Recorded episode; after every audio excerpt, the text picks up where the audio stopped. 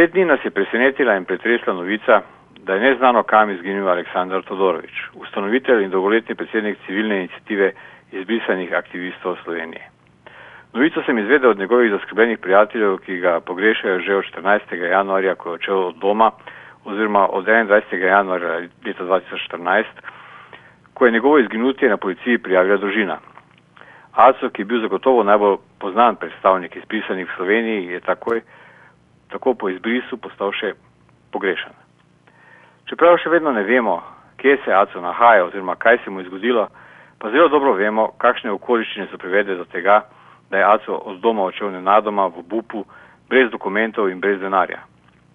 Usoda Aleksandra Sodoroviča je podobna usodi mnogih drugih izbrisanih, vendar je posebna v tem, da je znal Aleksandar to, kar se mu je dogajalo, za razliko od številnih izbrisanih, ki so svoje težave raje skrivali, zmeraj prikazati in povedati na jasen, včasih zabaven, za oblastnike veliko krat neprijeten, vsekakor pa zelo prepričljiv način. Njegova usoda in vse, kar se mu je dogaja, pa je prava personifikacija kafkovskega labirinta, v katerem so se znašli številni izbrisani. Tudi po dveh desetletjih in več namreč njihova usoda še zmeraj ni drugačna od sedaj, ko so bili izbrisani. Nekateri so dobili dokumente tako kot Desimir Tošič, vendar to ni dovolj, da bi dobili streho nad glavo. Večina jih je ostala nezaposlenih, tako kot so to Irfan ali Aco in mnogi drugi, katerih imen je preveč, da bi jih sploh naštevali. In mnogi med njimi so tudi umrli. Ne da bi od države dobili vsaj en cent zaradi trpljenja, ki so ga doživeli. Točno to se je zgodilo tudi Aleksandru.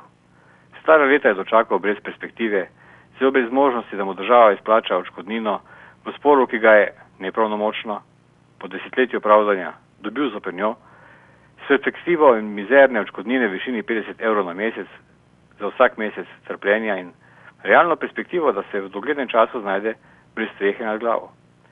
To je bilo maščevanje države zato, ker je bil ponosen, ker je bil odločen in glasen. Aleksandar Sodorovič je dejstvo, da je bil izbrisan izvedel leta 1993, ko je na občini želel pridobiti rojstni list za svojo komero eno hčerko.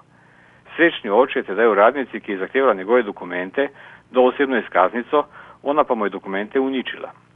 Na to je sicer izdala rojstni list, vendar izmena Aleksandra Sodoroviča ni želela upisati v rubriko oče. Namesto tega je v to rubriko zapisala neznan. Aleksandar je bil zaradi postopka prizadet, zato je protestiral proti takšnemu ravnanju, na to pa je začel na nespremljivo ravnanje državnih uradnikov upozarjati tudi javnost. Demonstriral je in gradovno stavko tudi pri ljubljanskim živalskim vrtom, da bi pokazal, kako malo pravic ima kot izbrisani. Kmalo je ugotovil, da se je v podobnem položaju znašlo še veliko drugih prebivalcev Slovenije.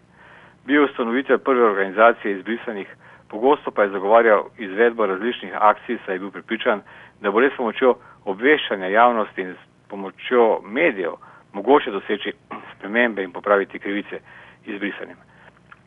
Ker se zaradi izbrisa ni mogel zaposliti, je tožil državo in spor na prvi stopnji dobil. To je privedlo do verbalnih napadov nekaterih desnosmernih strank na sodno vejo oblasti. Postopek se je znova vrzbil v kolesje pravosodja. Ker je bil v preteklosti podobno izpostavljen v medijih, tudi elektronskih, je v Sloveniji postal zelo znan. Prav zato je doživljal še več verbalnih, pa tudi fizičnih napadov. Zadnji se je zgodil julija lani. Neznanca sta ga 22. julija lani v gostilni Rimska peč na Ptuju sredi belega dne napadla. Nasilnež se ni ustavil niti po prihodu policije, zato so ga uklenjenega odpeljali v 12-urni pripor in ga kaznovali. Todorovič, ki je v napadu sicer na srečo utrpel samo lažje poškodbe, pa je napad vendarle povezal s sovražnim govorom iz ust visokih politikov v zadnjih letih.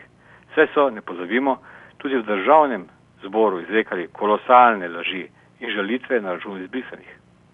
Spomniti se je potrebno, da so državni funkcionarji nekdani notranji minister Andrej Šter, bivši sekretar na notranjem ministrstvu Slavko Debelak in Alenka Mesojedec Pervinšek, nekdanja državna podsekretarka tega ministrstva, ki jih je Todorovič po oddaji na TV Sloveniji marca 2003 obtožil fašizma, preganjali na sodišču.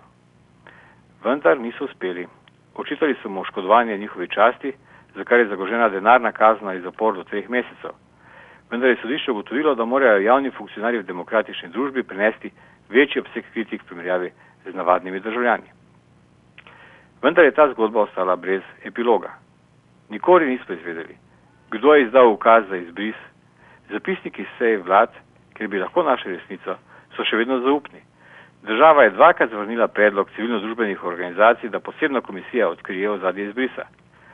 Ostali so samo umrli brez pokojnini služb, otroci brez otroških dodatkov, izgnani in deložirani zaradi izgube stalnega prebivališča. Ostali so izgnani in njihovi otroci, uničene družine. Nesreča Aleksandra Todoroviča je samo vrh ledene gore. Zato pa nosi odgovornost tudi vsi tisti prostovoljni krvniki v državnem zboru, aparatu in drugih strankah, ki so podpirali takšne kršitve. Izginoti Aleksandra Todoroviča nas opominja, da država ne samo, da ni naredila dovolj, pač pa da sploh ni naredila ničesar, da bi zares popravila krivice, zaradi katerih trpljenju, ne samo izbrisanih, pač pa njihovih svojcev in družin, ni videti konca. Terminal je pripravil Igor Mekina.